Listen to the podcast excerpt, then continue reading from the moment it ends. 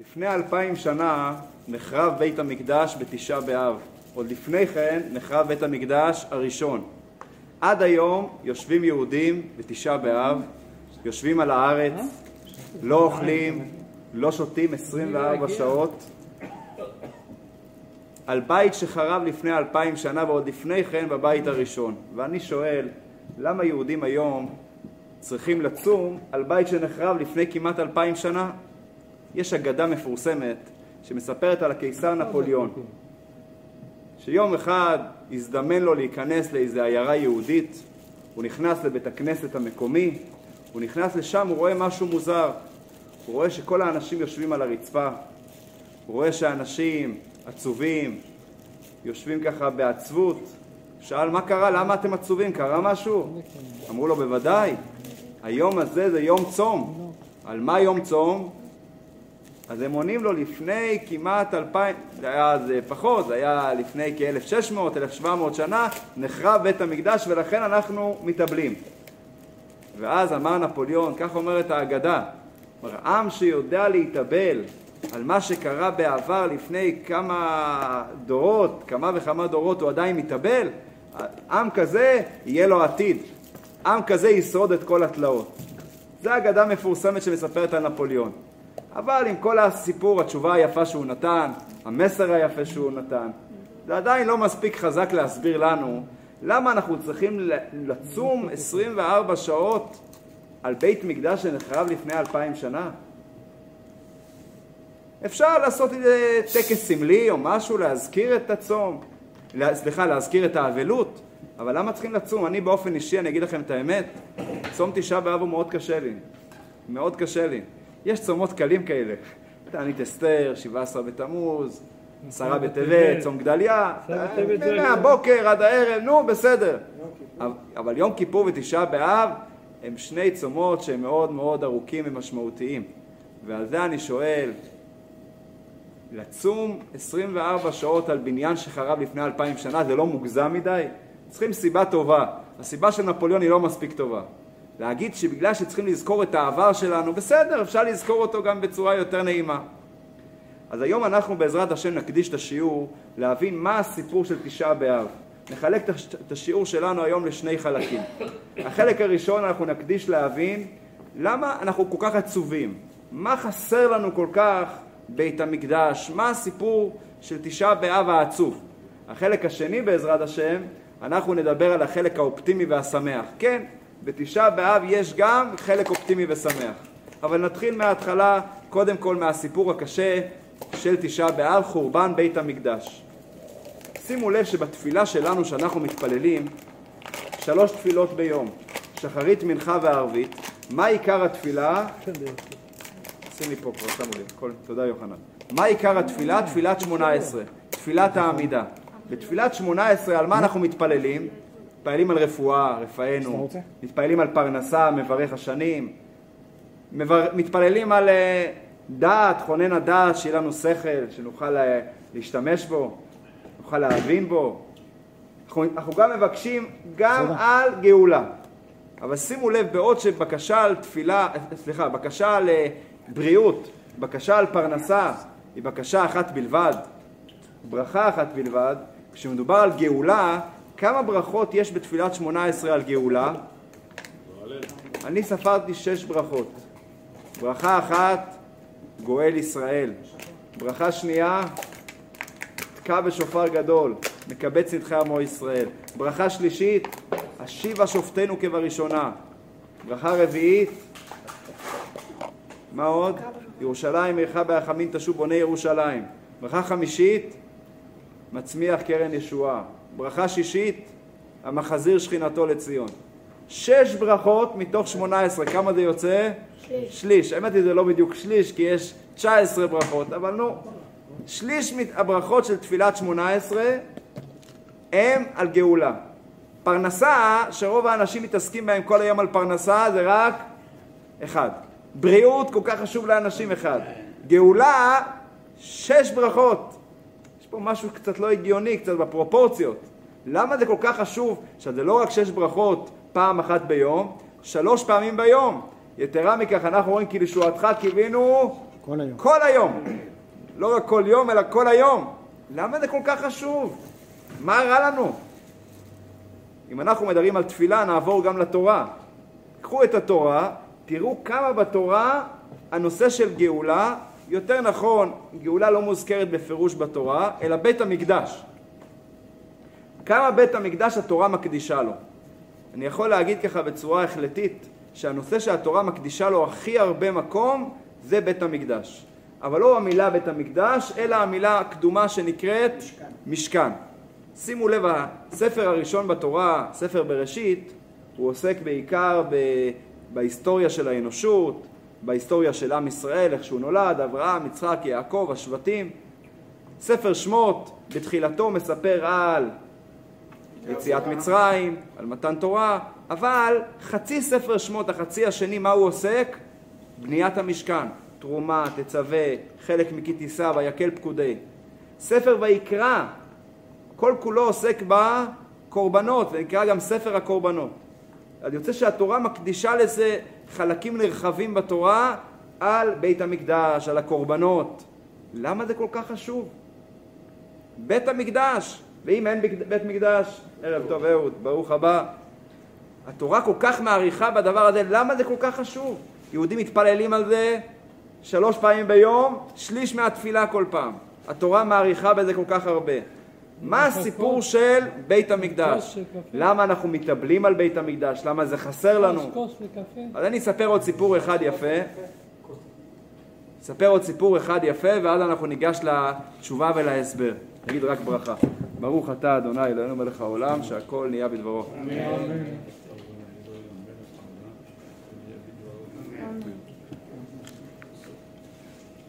מסופר על יהודי שקראו לו עזריאל דוד פסטג. זה היה השם של אותו יהודי. הוא גר בוורשה, בפולין, והוא היה מלחין, הוא היה זמר, היה יצירות, היה יוצר כל מיני יצירות מאוד מאוד מיוחדות. והוא נלקח יחד עם כל בני משפחתו וכל היהודים ב...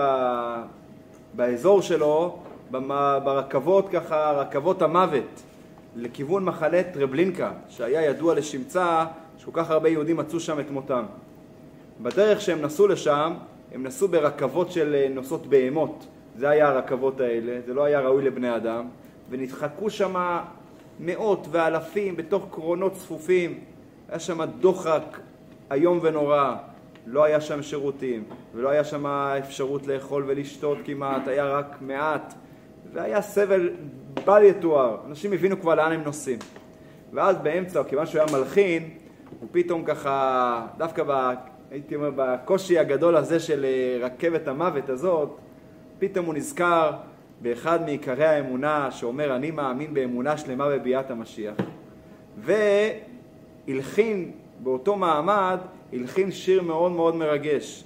אני מאמין. מי שמכיר את השיר, אני רק יתחיל את המנגינה. אני מאמין. מכירים את המנגינה הזאת?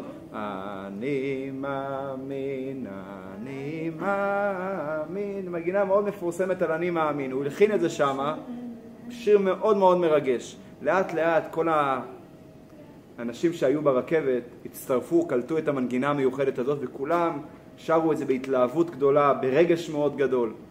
ואז באמצע ההתלהבות והשירה הוא פנה לכל הנוכחים ברכבת ואמר, אני מבטיח שמי שיקח את המנגינה הזו, את השיר הזה, את הלחן הזה, ויעביר אותו לאדמו"ר שלי, האדמו"ר ממוג'יץ, חסידות מוג'יץ, חסידות שהייתה ידועה בלחנים המיוחדים שלה, מי שיעביר לאדמו"ר את הלחן הזה, הוא אז באותה תקופה כבר עבר לארצות הברית, אני מבטיח לו חצי מהעולם הבא שלי.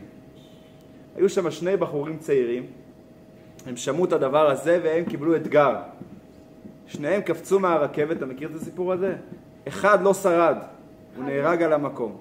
השני הצליח לברוח ולהימלט עם כל היריות שם שירו כל הנאצים יימח שמם, הוא הצליח לברוח ולהינצל.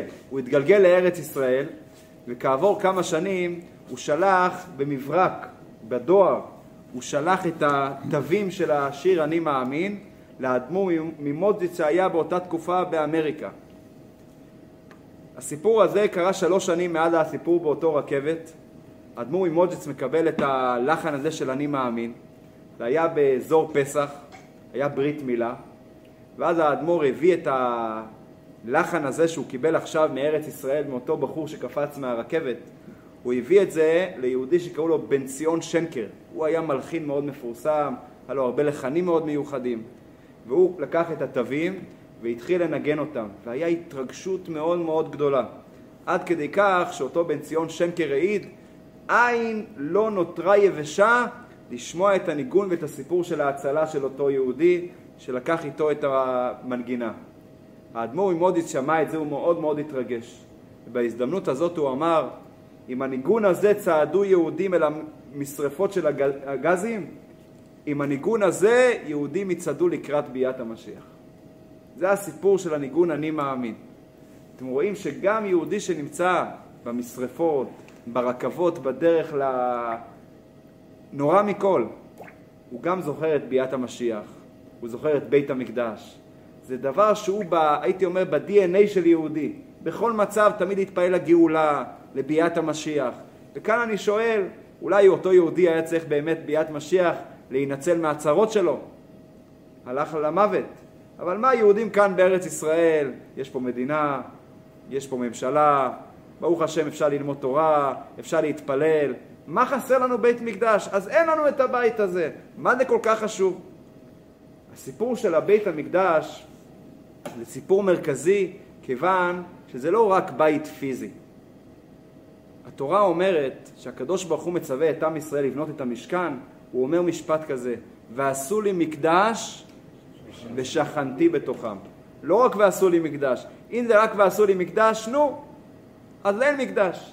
ושכנתי בתוכם. הסיפור של בית המקדש זה ההשראה של הקדוש ברוך הוא בתוך בית גשמי בעולם הזה. בתוך כל אחד.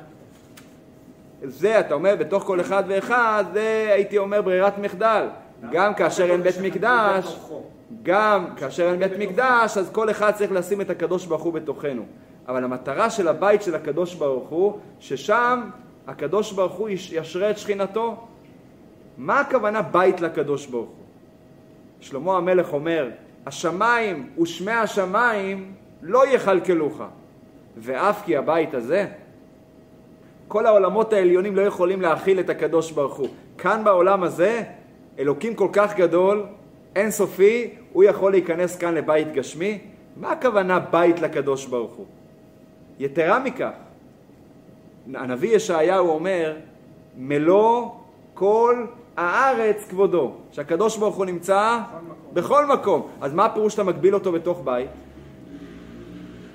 הוא נמצא גם בכל מקום. יש בדיחה מפורסמת, זה לא בדיחה אלא סיפור יותר נכון. איזה אחד מתלמידי החכמים כשהיה ילד קטן, היה ידוע כבר את פיקחותו. הגיע אליו פעם אדם ואמר לו, אני אתן לך מטבע אם תגיד לי איפה אלוקים נמצא. אז אותו ילד חריף אמר, אני אתן לך שתי מטבעות אם תגיד לי איפה הוא לא נמצא. ילד חכם, הקדוש ברוך הוא נמצא בכל מקום, אז מה הכוונה שיש בית שהקדוש ברוך הוא נמצא בו? אלא מה? התשובה היא שבאמת אלוקים נמצא בכל מקום, אבל הוא מסתתר, לא רואים אותו בכל מקום. לעומת זאת, בבית המקדש, הקדוש ברוך הוא הורגש בגלוי, שמה הייתה גילוי השכינה. לא רק שכינה, אלא גילוי של השכינה. לכן התורה אומרת על מצוות שלושת העלייה בשלושת הרגלים, מה כתוב? שלוש פעמים בשנה יראה כל זכורך את פני האדון השם. אז אומרת הגמרא, מה זה יראה? אפשר לקרוא את זה גם מלשון יראה, הרי בתורה זה לא כתוב עם ניקוד, גם בלשון יראה וגם בלשון יראה. אז הגמרא אומרת, כשם שבא לראות, כך, בר... כך בא לראות. כלומר, כשיהודי עולה לרגל, עולה לבית המקדש, נוצר בעלייה הזו שני, שני דברים. אחד, שהקדוש ברוך הוא רואה אותו, הדבר השני, שהוא רואה את הקדוש ברוך. מה הכוונה אנחנו לא יכולים להבין, אבל כשאדם הגיע לבית המקדש הוא הרגיש את גילוי השכינה. זה היה מיוחד בבית המקדש. בכל העולם הקדוש ברוך הוא נמצא בהיעלם. אגב, המילה עולם זה מלשון ההלם. לעומת זאת, בבית המקדש, שם הקדוש ברוך הוא נמצא בגילוי, אפשר לראות אותו. לכן זה נקרא בית. שאלנו, מה פירוש המילה בית? אם הייתם מגדירים, מה זה המילה בית? אני מגיע הביתה. בית זה מקום שישנים בו, זה ההגדרה של בית? יש גם בית מלון. מה זה ההגדרה של בית? אתם יודעים. הבית זה המקום שהאדם נמצא בו הכי הרבה? מקום מקום לאו. דווקא, נכון? יש אנשים, זה המקום שלו. יש אנשים שנמצאים בעבודה יותר מבבית. וכולם נמצאים בבית הכי הרבה. אלא מה, הבית, איך קראת לו? מקום המקום מגונן. הבית זה המקום שלי, מגונן, מכיל. מכיל. הבית זה מקום שאני מרגיש בו בבית. אני מרגיש בו בלי פילטרים, אני מרגיש בו מי שאני, הכי חופשי. הכי חופשי. בעבודה, בבית הכנסת, ברחוב. אני מתחפש לפי צורך האנשים, לפי המקום, אני מתאים את עצמי. בבית אני מרגיש בבית, אני חופשי, אני מי שאני. לכן אומרים שמי מכיר הכי הרבה את האדם? לראות הבית. קירות הבית ובני הבית. למה? כי שם הוא מרגיש חופשי. אז כך אצל הקדוש ברוך הוא אומרים בית, מה הכוונה? בכל העולם הקדוש ברוך הוא נמצא, והוא לא נמצא כמו שהוא, הוא נמצא בהיעלם, הוא מסתתר. בב... בבית המקדש, בבית שלו, שם הוא נמצא בגלוי, הוא נמצא בלי פילטרים. אז על פי זה אנחנו יכולים להבין למה אנחנו אבלים על חורבן בית המקדש. אנחנו לא אבלים על חורבן הפיזי של הבית בלבד, אלא על כך שהקדוש ברוך הוא כיום אין לו בית. מה הכוונה שאין לו בית? הוא מחוסר דיור. היום מדברים על משבר הדיור. הסיפור של תשעה באב זה הסיפור של משבר הדיור. לקדוש ברוך הוא אין בית. זה הסיבה שגם היום אנחנו מתאבלים על חורבן בית המקדש, למרות שנמצאים בארץ ישראל, למרות שנמצאים ברוך השם במקום שאפשר ללמוד תורה ולקיים מצוות, אולי זו התקופה הכי טובה ליהדות, לתורה ולמצוות, ישיבות וכוללים ושיעורי תורה בכל מקום. אפילו ביוטיוב יש שיעורי תורה. איפה אין שיעורי תורה היום, ברוך השם? אבל הקדוש ברוך הוא אין לו בית. השכינה לא נמצאת כאן בגלוי. אז לנו יש בית אולי, אבל לאבא שלנו אין עדיין בית. על זה אנחנו מתאבלים. אז אם כך, אנחנו מבינים שהסיפור של בית המקדש זה לא סיפור צדדי, אלא זה סיפור מרכזי. עד כדי כך, המדרש אומר שכל הסיבה של בריאת העולם זה בשביל בית המקדש. המדרש אומר, זה הביטוי שלו. למה הקדוש ברוך הוא ברא את העולם? נתבע הקדוש ברוך הוא להיות לו דירה בתחתונים. למה הוא ברא את העולם? כדי שיהיה לו בית כאן בעולם הזה. למה שרק דוד המלך הגיע, גיד לה את זה. לפני זה לא יכלו לגלות. לפני זה עדיין העולם לא היה ראוי. אתה שואל שאלה בכלל, למה עדיין אין לו בית? כבר העולם קיים כל כך הרבה שנים, כי זה תהליך שהעולם עובר עד שהגיע מתן תורה. אגב, בית היה לו גם לפני, ד- לפני דוד המלך, היה לו בית במשכן, כן? אל תשכח. במדבר, שילה, דוד המלך הגיע ורצה לבנות את המבנה קבע, בית המקדש בירושלים. אבל הרעיון של בית התחיל כבר מיד אחרי מתן תורה ואחרי חטא העגל. יוצא אם כן שהסיפור הזה של בית המקדש הוא סיפור כל כך מרכזי ביהדות, בבריאת העולם. לכן אנחנו מתפללים, לכן אנחנו מזכירים את זה בתורה כל הזמן. ולכן אפשר להבין את מה שאומר אומר התלמוד ירושלמי, שימו לב מה הוא אומר. כל דור שלא נבנה בית המקדש בימיו, כאילו נחרב בימיו. אם הדור הזה עדיין לא נבנה בית המקדש, כאילו היה חורבן הבית. על פניו זה לא מובן, מה פירוש? הוא נחרב לפני כמעט אלפיים שנה, מה זה קשור לעכשיו? כי אם עכשיו הקדוש ברוך הוא אין לו בית, הוא עדיין לא נבנה, כל רגע זה כמו חורבן. אז אם כך, אם אני אחזור לתחילת השיעור, נפוליאון אמר שאנחנו מתאבלים על העבר. הוא לא צדק. אנחנו מתאבלים על ההווה, על זה שעכשיו אין לקדוש ברוך הוא בית. זה התחיל לפני כמעט אלפיים שנה, הגלות. אבל עד היום אין לקדוש ברוך הוא בית. אז האבלות שלנו היא לא על פעם, היא על היום. כל דור שלא נבנה בית המקדש בימיו, כאילו נחרב בימיו, על זה אנחנו מתאבלים. עד כאן סיפרנו על הצד הפסימי, הייתי אומר, על הצד של האבלות. אבל תשעה באב כולל בתוכו גם חלק אופטימי וחלק משמח וחלק עם הרבה תקווה. וכאן אני אספר את הסיפור המפורסם שהגמרא מספרת בסיום מסכת מכות. יש כזאת מסכת. הגמרא מספרת סיפור על תנאים אחרי חורבן בית המקדש השני, כמה וכמה תנאים, רבן גמליאל, רבי אלעזר בן עזריה, רבי יהושע ורבי עקיבא. היו מהלכים בדרך והיו עולים לירושלים. ברגע שהם הגיעו לירושלים, עלו לירושלים, הגיעו להר הצופים, קרעו את הבגדים. למה הם קרעו את הבגדים? כי הם ראו את בית המקדש שומם. כיוון שהגיעו להר הבית, הם ראו שועל שיוצא מבית קודשי הקודשים. זה כבר היה too much, כמו שאומרים. התנאים התחילו לבכות.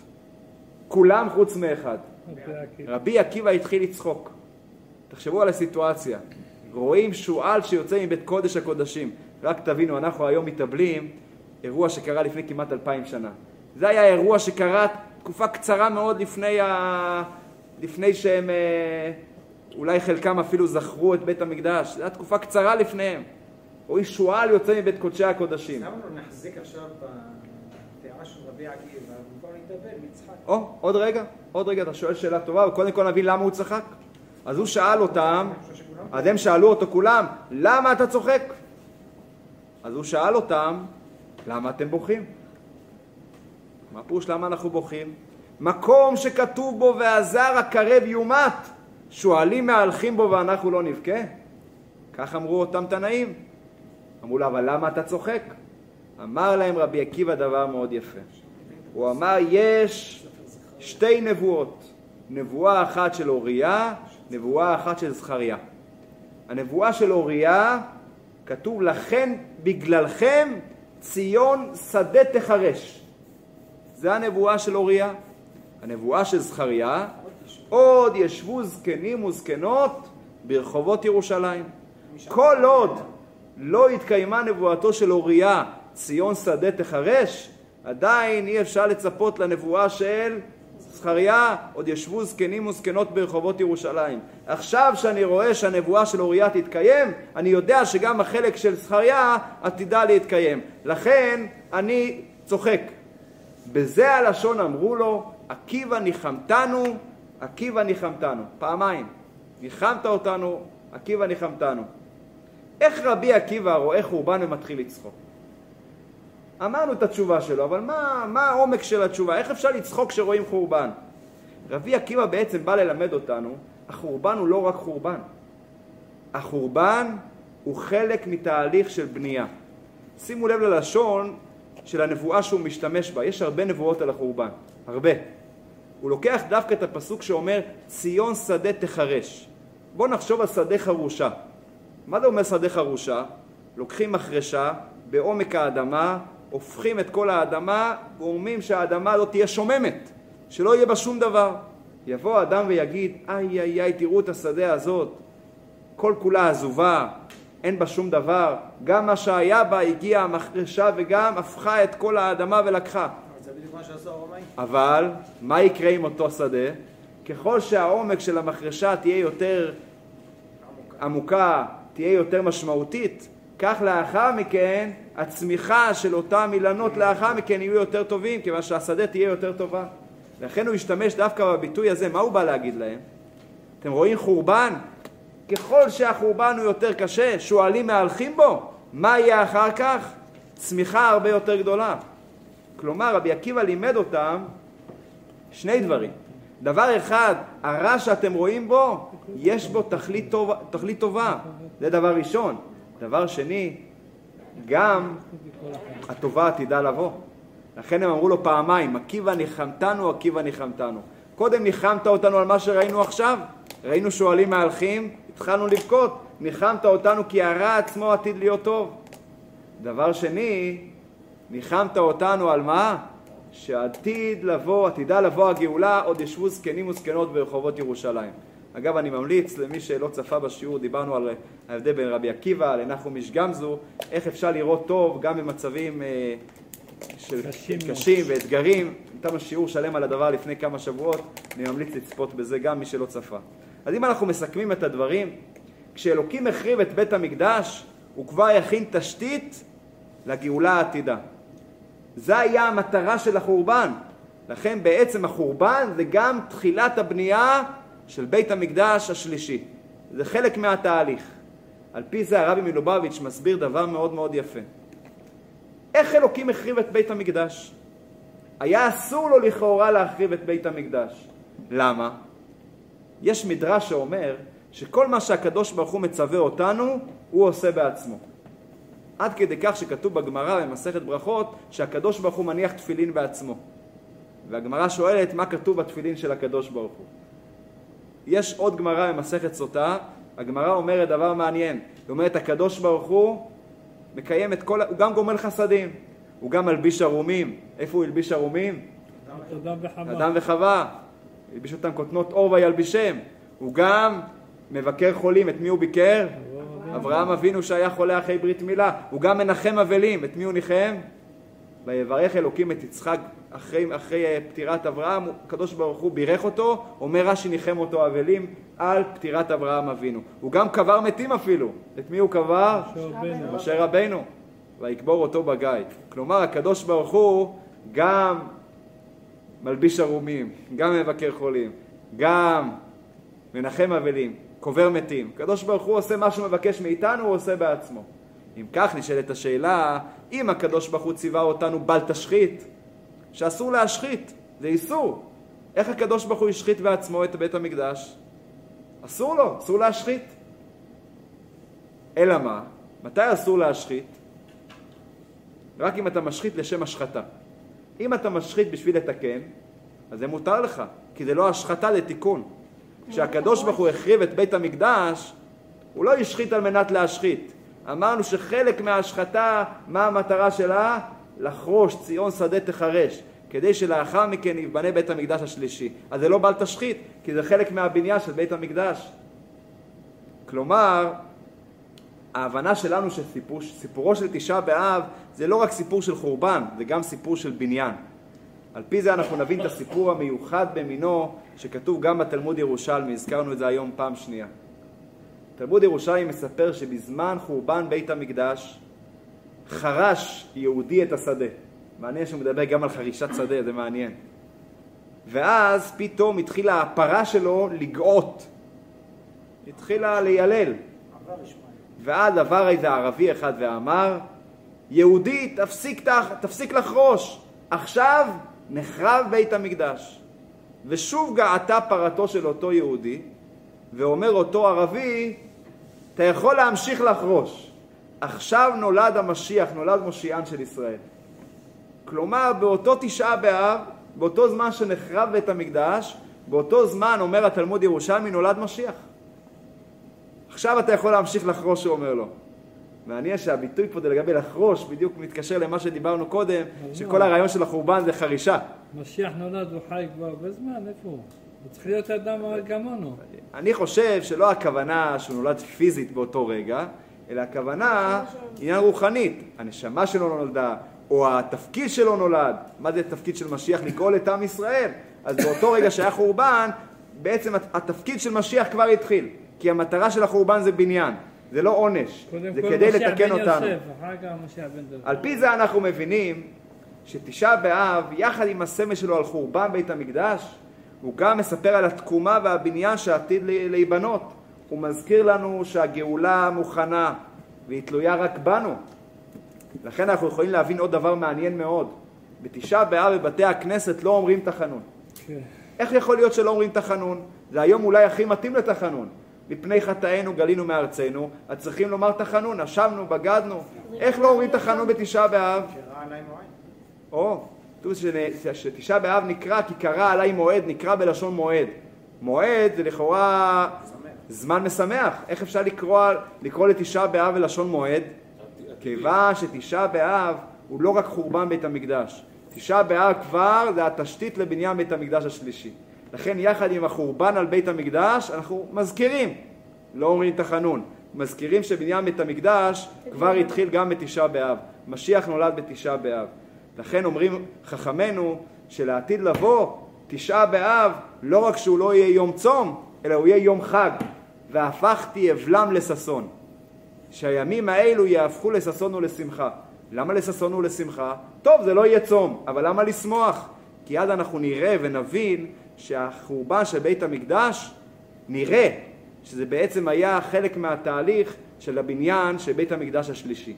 אני רוצה לסיים את השיעור בסיפור יפה, אולי שמעתם את זה ממני פעם, אבל סיפור מאוד ככה חשוב ומעורר לקראת תשעה באב.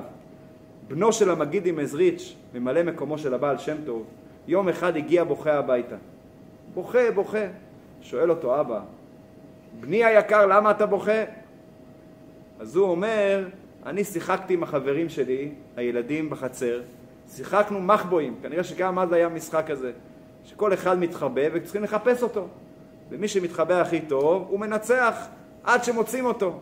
ואני התחבאתי במקום משהו משהו, אבל המחבוא היה מדי טוב.